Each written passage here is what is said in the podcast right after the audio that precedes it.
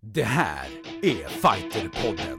Ladies and gentlemen, we are. I'm not surprised, motherfuckers. Touch gloves. Get ready for war. Uchimata! And ladies and gentlemen, the mauler, Alexander Gustafsson. Oh my God! Double leg. He just got double leg. I'm gonna show you how great I am. Hej och välkomna till Fighterpodden. Det här är alltså podden för dig som älskar kampsport. Idag som alltid så har vi ett fullspäckat schema och vi kommer bland annat snacka om att det faktiskt var nio år sedan UFC kom till Sverige för första gången. Vi kommer snacka om damboxning och även snacka Ben Askren som möter Jake Paul i helgen i boxning. Empire Fighting Series har haft en svensk thaiboxningsgala som vi kommer prata om och vi kommer även gå igenom UFC Vegas 24. Det är det och mycket mer i Fighterpodden. Sådär, då var det avklarat. Då ska vi kasta oss in i alla de här spännande ämnena. Och till min hjälp har jag ju inte Mårten Söderström som brukar leda det här. Men Elin Blad, det är skönt att ha dig i alla fall vid sin sida. Tack Simon Kölle. Det är härligt att vara med. Och här pratar vi alltså hela våra namn. Tar upp så att Ja, men jag Filip... tänkte, du presenterade ju inte dig, så då kunde jag presentera Ah, dig istället. Ja, ni du ser. förtjänar också att lyftas upp Simon. Ja, tack så mycket, tack så mycket. Man, man blir, jag kan aldrig bli lika bra som Mårten, men man försöker, försöker. Filip Dersén i alla fall har vi med oss från vackra Skåne. Ja, tack så mycket. Kul att vara med och det är faktiskt eh, mulet idag, men eh, annars är det vackert. Ja, normalt sett är det vackert. Och sen har vi då fått lite extra hjälp från vår tomte på loftet, Johan Haldin. Och du är inte bara tomte på loftet, du är väldigt mycket mer, bland annat varit ordförande för MMA-förbundet och du har ju drivit klubb i en himla massa år. Kör du på någonting nu under eh, pandemin, eller hur ser det ut? Just nu så håller jag på och rehabtränar efter eh, en eh, ryggoperation. Eh, och eh, ja, mycket till kampsportsträning blir det ju naturligtvis inte just nu. Nej, jag förstår. Men all lycka till då med det, men vi ska kasta oss in i de- det första ämnet direkt här och det jag kastar över det till dig Elin. Du som tog upp det här innan podden, alltså, att det var nio år sedan UFC kom till Sverige första gången. Det är lite otroligt.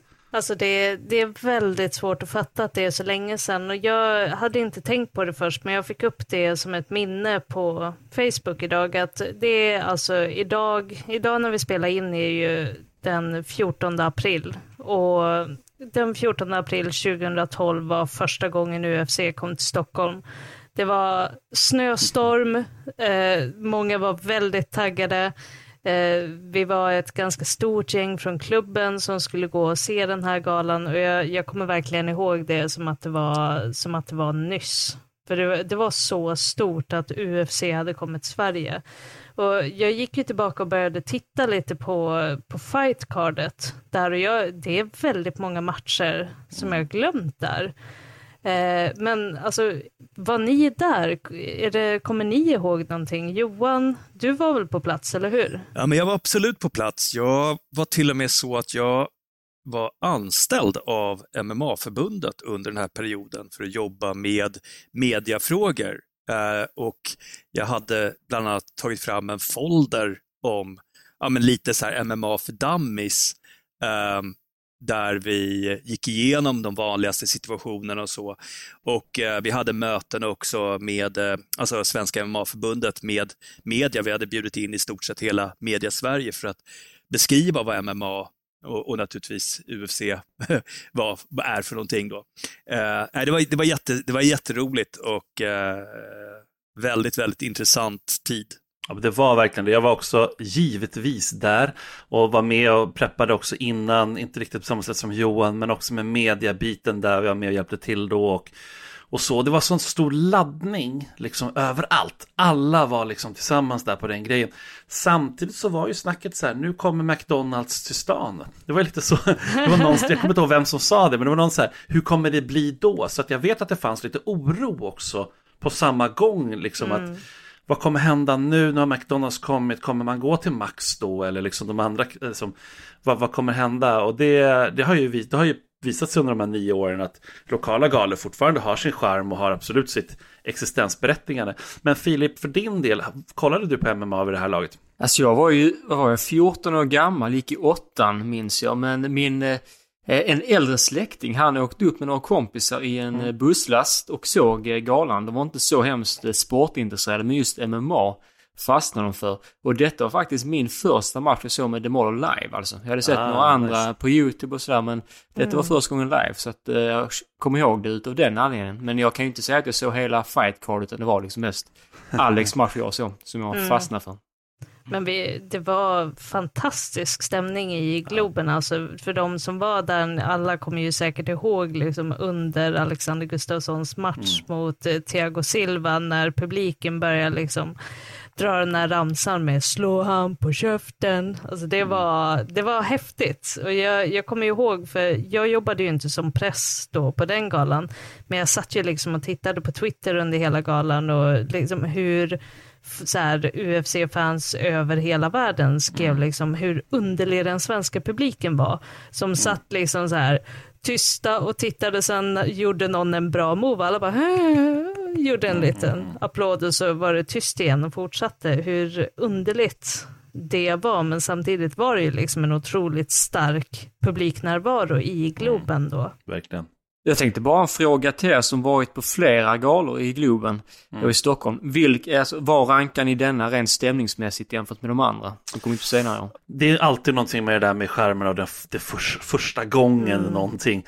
Så, att, så att det, det blir svårt att ta det då. Jag kommer ihåg att jag, jag gick ner på eh, jag gick ner, jag satt i och för sig ringside, men jag gick runt någonstans och jag kommer ihåg att jag snackade med, med eh, August Wallén och George Salfelt eh, som ju var två av de mest drivande för att få hit MMA till Sverige eh, och framförallt USA också då. De sk typ skålade med varandra. Det var, så, det var magisk stämning. Det var liksom mm. någonting som var så här, we did it. Så att den för mig är ju ändå av den anledningen. Sen var det väldigt speciellt och märkligt när det var på Tele2 Arena mitt ja. i natten. Det var jättekonstigt och eh, tjejen bredvid mig som satt i pressen svimmade när Demoler kom in och jag brukar ofta tagit upp det. Men det var så, det var sånt tryck liksom ja. i den arenan. För att visst, det är ju fotboll där och sånt på Tele2, men då är det ju oftast liksom två lag. Alltså det, här var det liksom alla på samma lag, det vill säga mm. liksom eh, Demoler liksom. Men så, så, för mig är det det, vad är det för det Elin? Alltså, jag, jag, bäst stämning absolut på första galan. Mm. Eh, för då var det fortfarande, alltså det, det fanns fortfarande den här publiken som var lite de som brukade vara på Superior på Fryshuset. Mm. Alltså där, där det verkligen var att man gick för att man var genuint intresserad. Alltså när det var på Tele2 Arena några år senare, då var det, allt var liksom mycket större, det hade blivit lite mer, inom citattecken, mainstream det, det, det, var, det kändes inte lika intimt. Sen var det ju såklart helt bisarrt när, eh, jag vet inte hur många var i arenan, 25 000, någonting sånt? Eller inte, en... ja då på Tele2 menar du? Ja, på ja, precis, Tele2. Ja.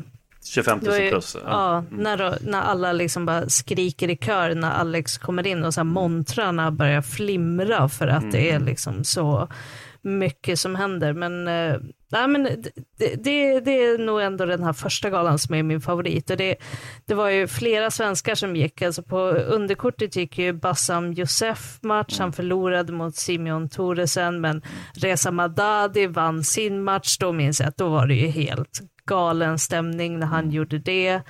Eh, och en match, den sista faktiskt på prelims-kortet, eh, då var det Papi Abedi från mm. Sverige som mötte James Head. Han förlorade ju dock den matchen, men jag, jag har ett så starkt minne från den, för just det här att det var så tyst, när, för alla tittade liksom noggrant på matcherna.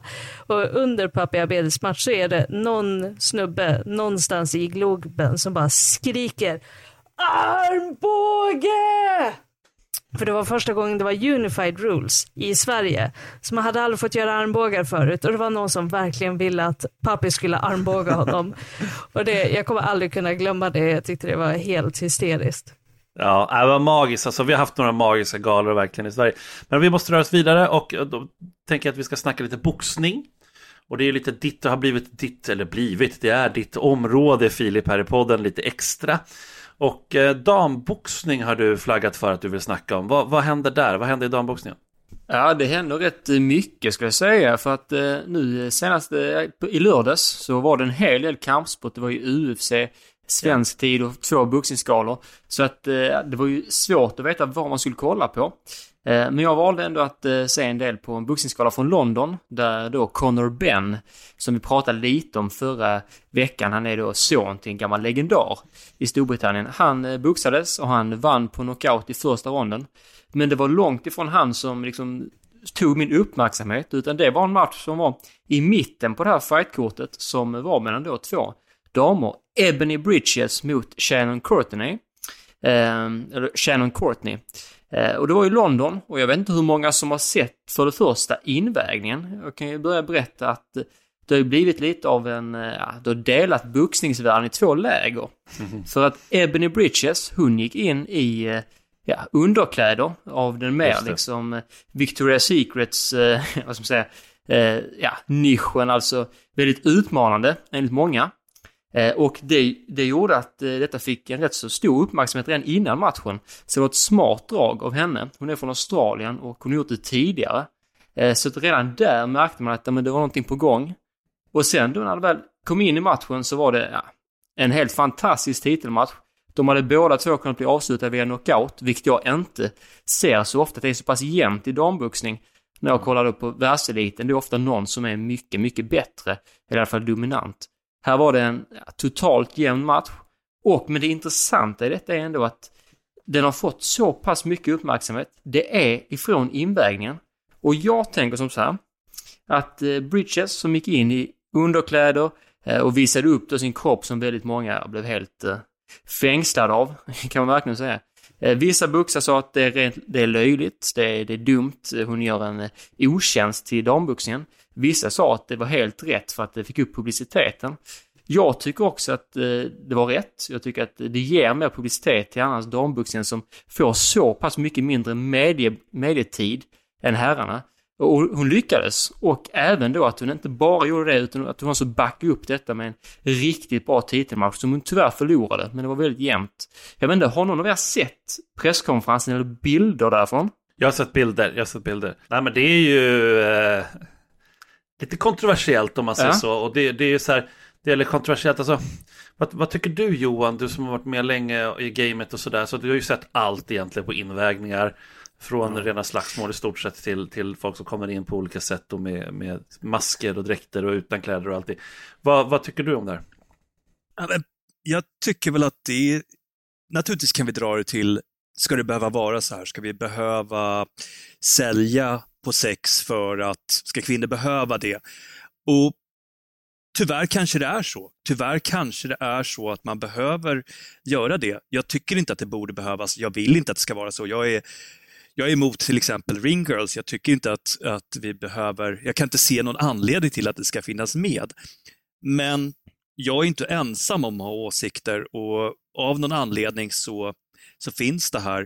Uh, och det, I slutändan så måste det vara, få vara hennes, det är ju hennes varumärke det handlar om. Det är hon som individ som gör det här. Uh, det är ju hennes val. Det hade varit en annan sak om det, hade varit, eh, om det, om det framkommer att det är hennes manager som är man har tvingat henne att göra det här. Då har vi en helt annan situation. Men om det är så att det är hennes eget val, då måste det ju få vara det. Det här handlar ju som alltid väldigt många av de här frågorna om vilket perspektiv man har på det. Men utifrån ett in, helt individuellt, alltså hennes personliga val, så måste det få vara hennes rätt att göra så. Det det är ju inte konstigare än att vi har haft fighters i UFC, som är, alltså män, som har, eller i MMA, som har gått in i lite märkliga munderingar. Uh, det kanske är deras val att göra så. Det jag kan tycka, det är väl att det är lite synd att det är dit det behöver gå någonstans, liksom för att det ska kunna då dra uppmärksamhet och liksom sådär. Att det, ja, att det blir det man tar till. För Fighters tar till alla möjliga grejer, låtsas bråka och säga trash-talka och allting sånt där och göra alla möjliga grejer. Och så då känner en tjej att hon behöver liksom ta till sig det. Vad tycker du då Elin? Du har ju ändå gjort invägningar och allt möjligt. Ja, det har jag.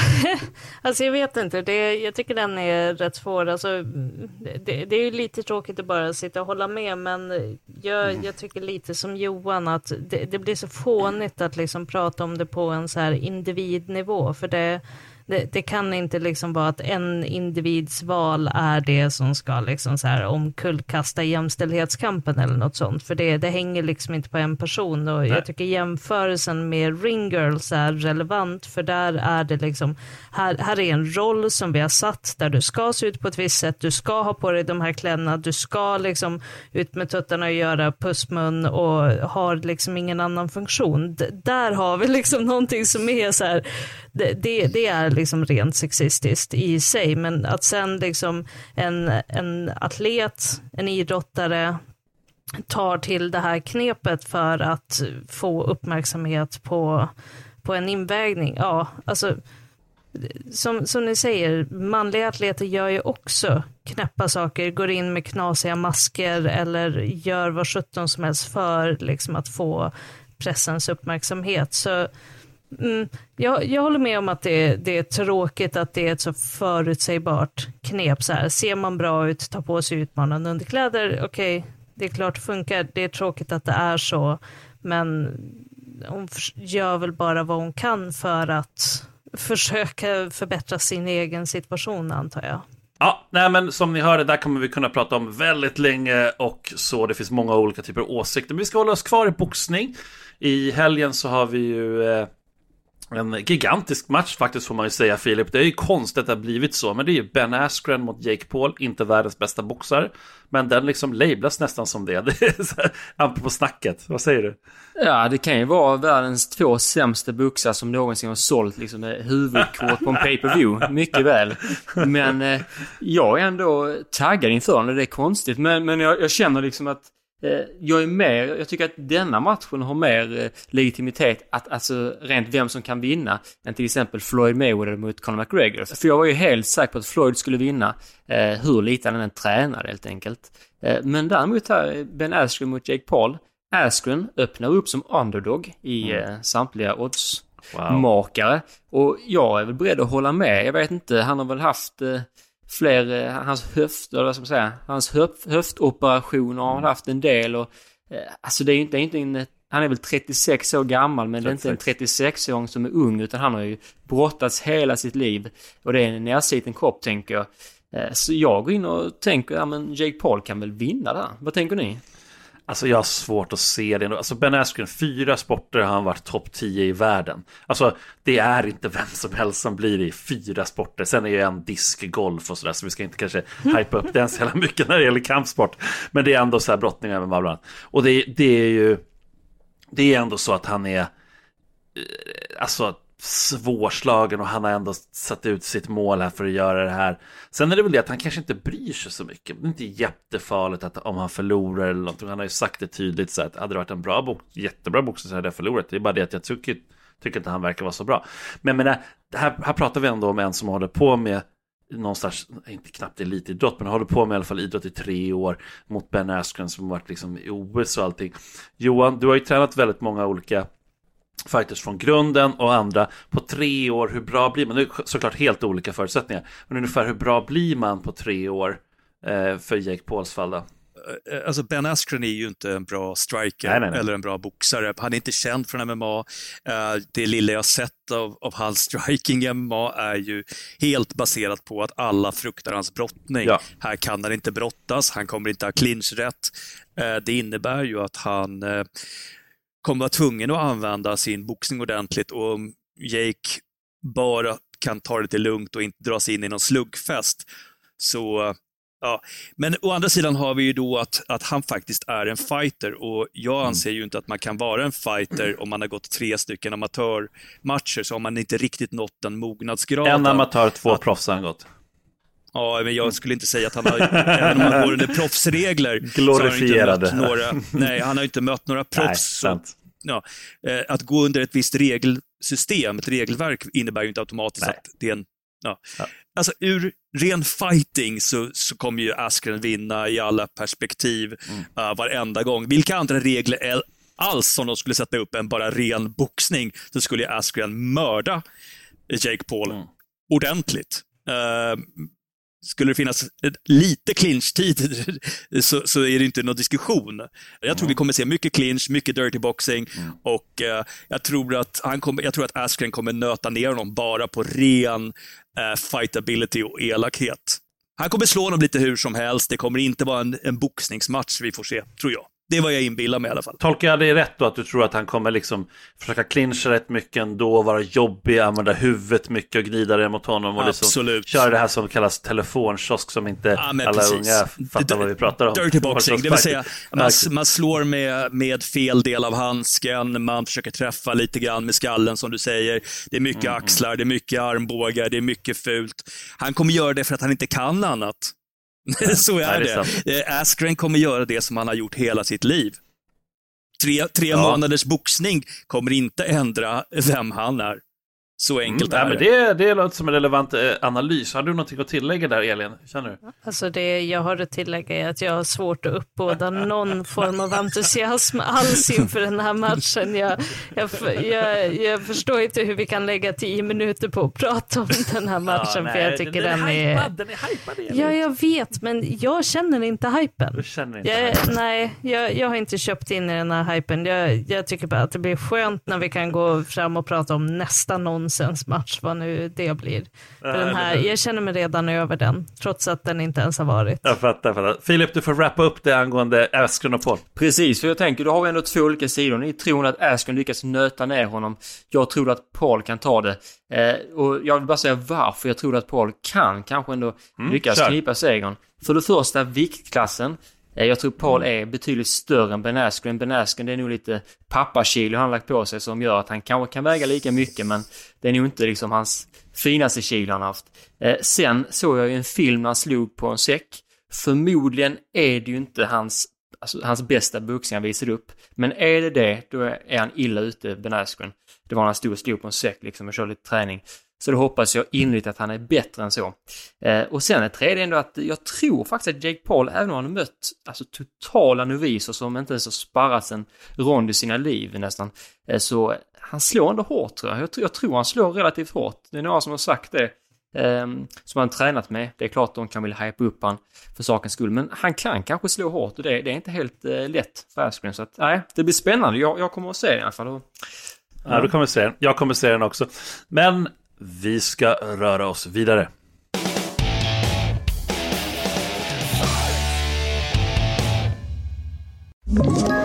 Ett poddtips från Podplay. I podden Något Kaiko garanterar östgötarna Brutti och jag, Davva, dig en stor dos skratt. Där följer jag pladask för köttätandet igen. Man är lite som en jävla vampyr. Man har fått lite blodsmak och då måste man ha mer.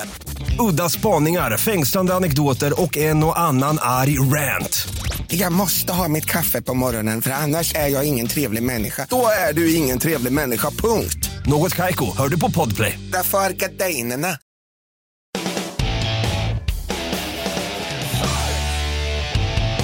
Vi har haft en thaiboxningsgala i Sverige. Det var Empire Fighting Series som hade den och det var flera supermatcher. Det var alltså bland annat Kim Falk som eh, han vann SM 2015, 2019. Han är skandinavisk mästare WBC 2019.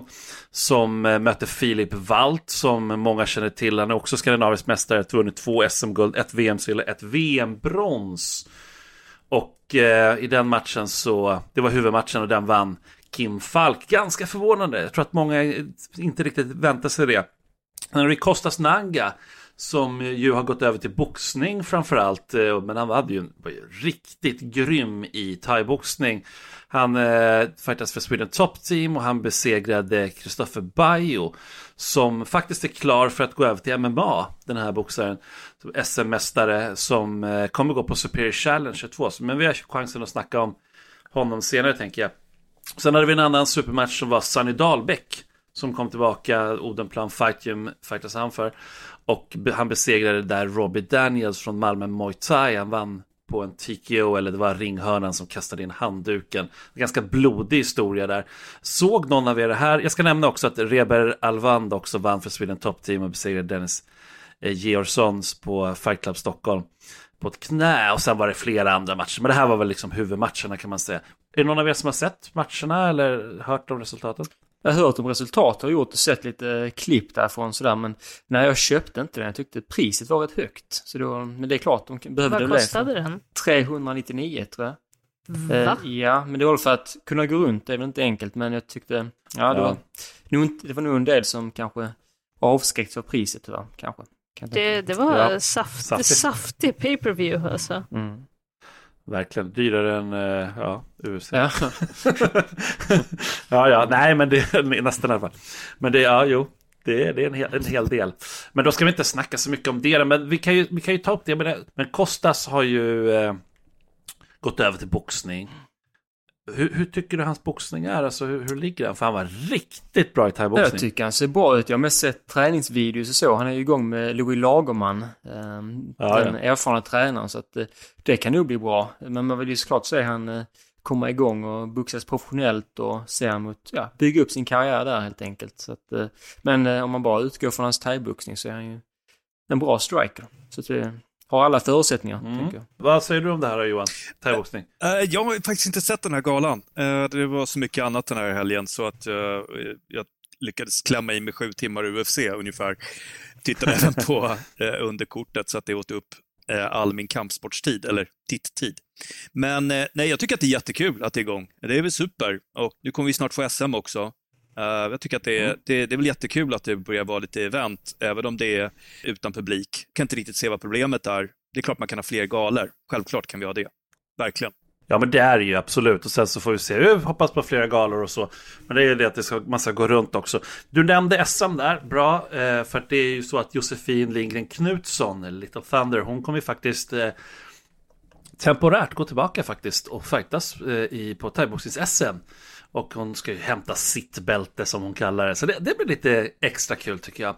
Men vi lämnar thaiboxning där och går vidare i podden.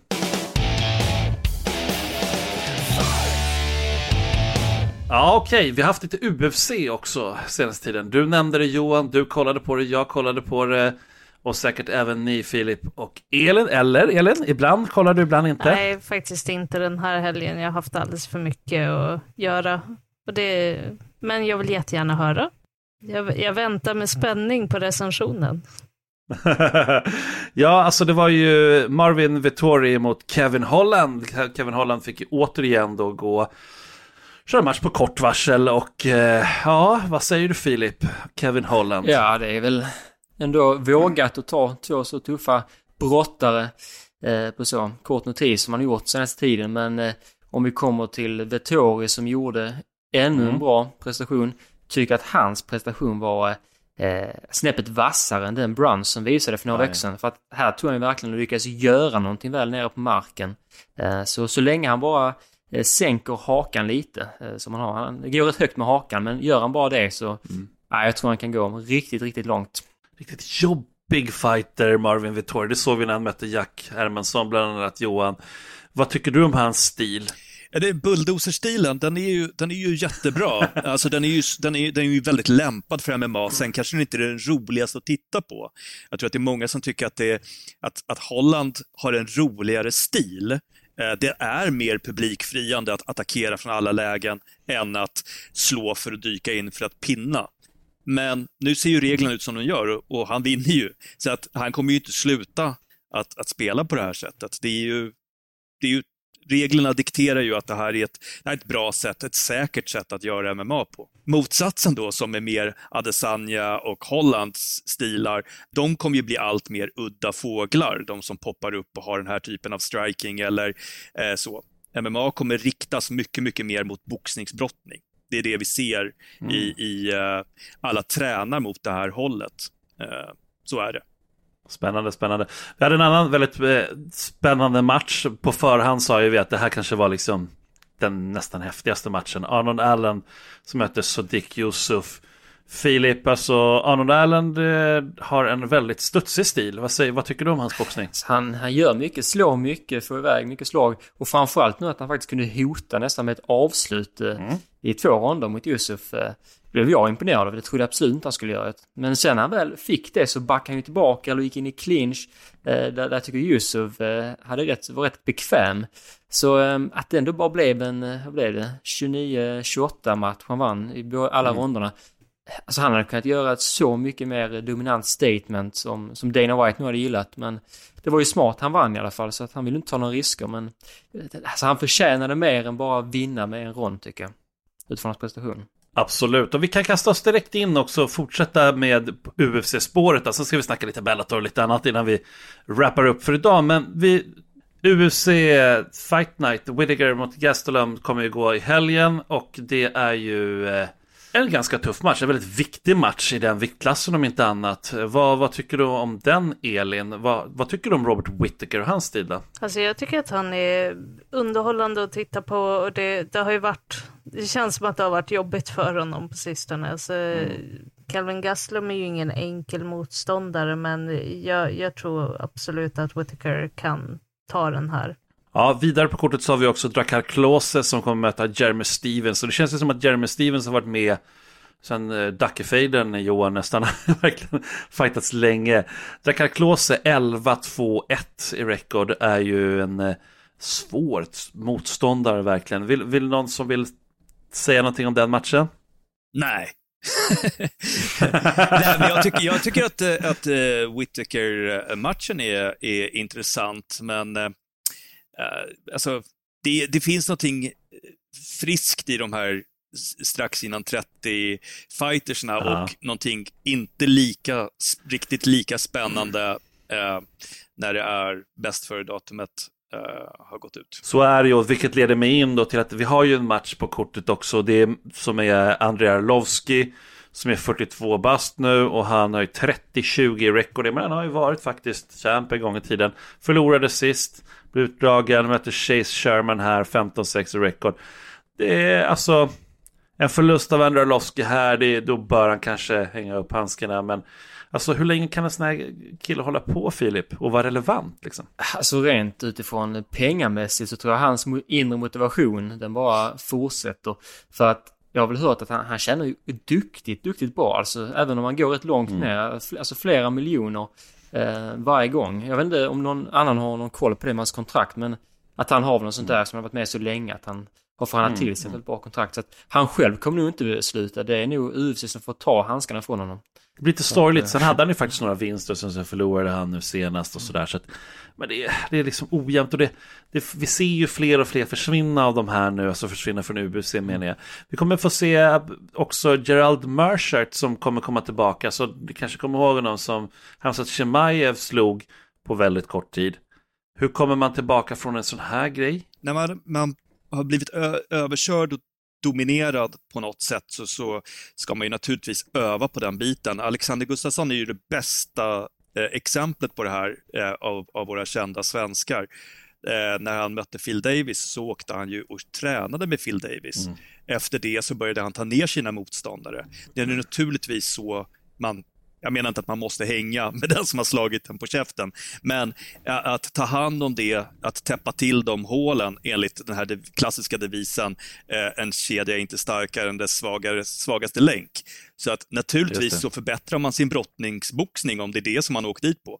Och när det kommer till eh, eh, Chimaev så är det ju det alla har varit oroliga för, hans tryck och, och brottningen. Och därför har han kunnat klippa folk med sin boxning. Så att det är ju att, att bli starkare i, i, i brottningen, det är ju det det handlar om. För väldigt många, skulle jag säga. Eh, om vi tittar på, om vi backar till Holland, så är det ju det han, han var det tre veckor sedan hans match eh, innan han mötte Vittori. Men det är naturligtvis det han måste jobba mycket mer på. Sin kontroll, sitt lugn och sin brottning. Att kunna styra scramble. Så att det, det, är väl, det långa svaret är eh, jobba på det som, beviset finns ju där du blir knockad och i MMA är det nästan alltid, eller väldigt ofta, så är det ju att bli bättre på själva scramble-delen. Mm. Brottningsdelen. Ja men absolut, det, vis, det visar ord Johan, absolut. Vi ska snacka lite Bellator.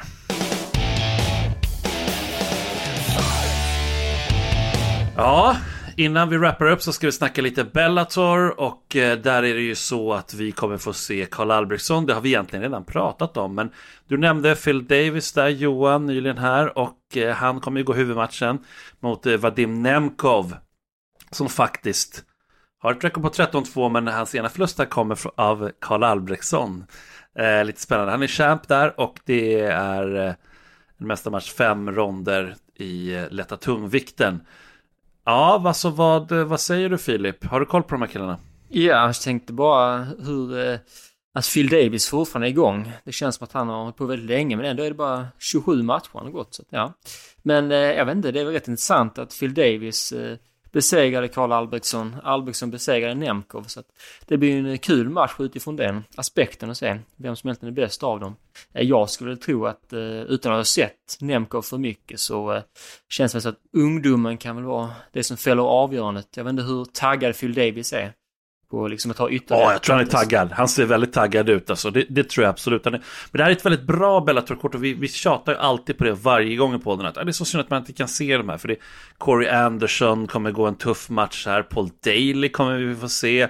Det är liksom, eh, vi har dansken Mats Brunell. Vi kommer även se Karl Albrektsson och sådär. Som möter faktiskt brorsan eh, Nemkov då, Viktor Nemkov.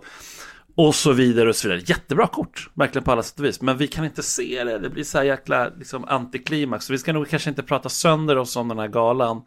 Men eh, ja, alltså vad fan Johan, kan inte du fixa det här nu? Du har ju suttit som ordförande ja. i förbundet och grejer. Eller Elin, du sitter i Kampsportsförbundet, mm. kan inte ni fixa lite tv-rättigheter? Men är det inte du som jobbar med så här mediefolk? jo, jo, det är sant. Men gör inte ni också det för övrigt? Ja, nej, nej, men det känns svårt. Det känns lite synd, lite, lite tråkigt helt klart att, att så är fallet. Men, men vi håller äh, tummarna ja, för Kalle.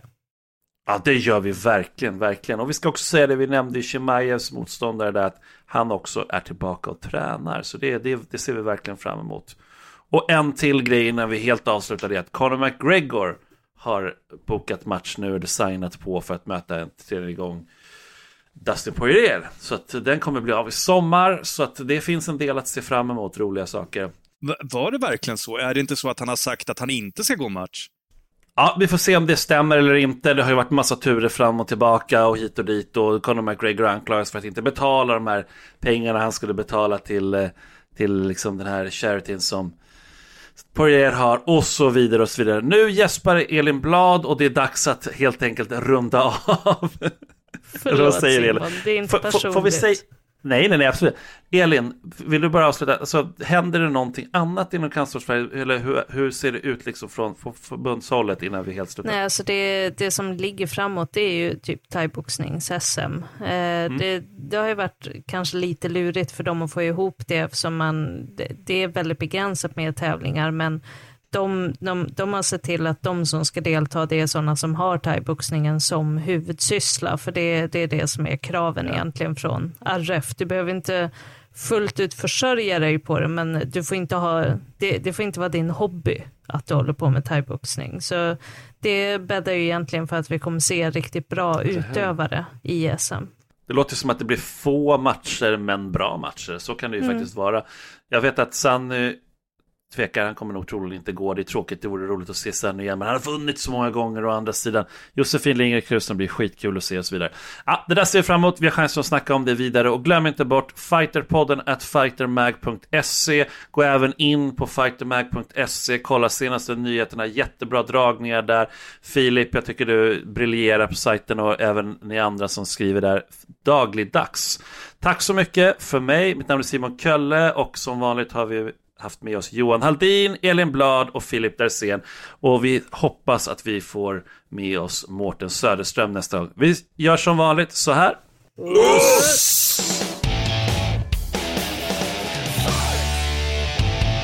Fighterpodden produceras av Suba Media för Radio Play. Ett poddtips från Podplay. I fallen jag aldrig glömmer djupdyker Hasse Aro i arbetet bakom några av Sveriges mest uppseendeväckande brottsutredningar. Går vi in med hemlig telefonavlyssning och, och då upplever vi att vi får en total förändring av hans beteende. Vad är det som händer nu? Vem är det som läcker? Och så säger han att jag är kriminell, jag har varit kriminell i hela mitt liv men att mörda ett barn, där går min gräns. Nya säsongen av Fallen jag aldrig glömmer på Podplay.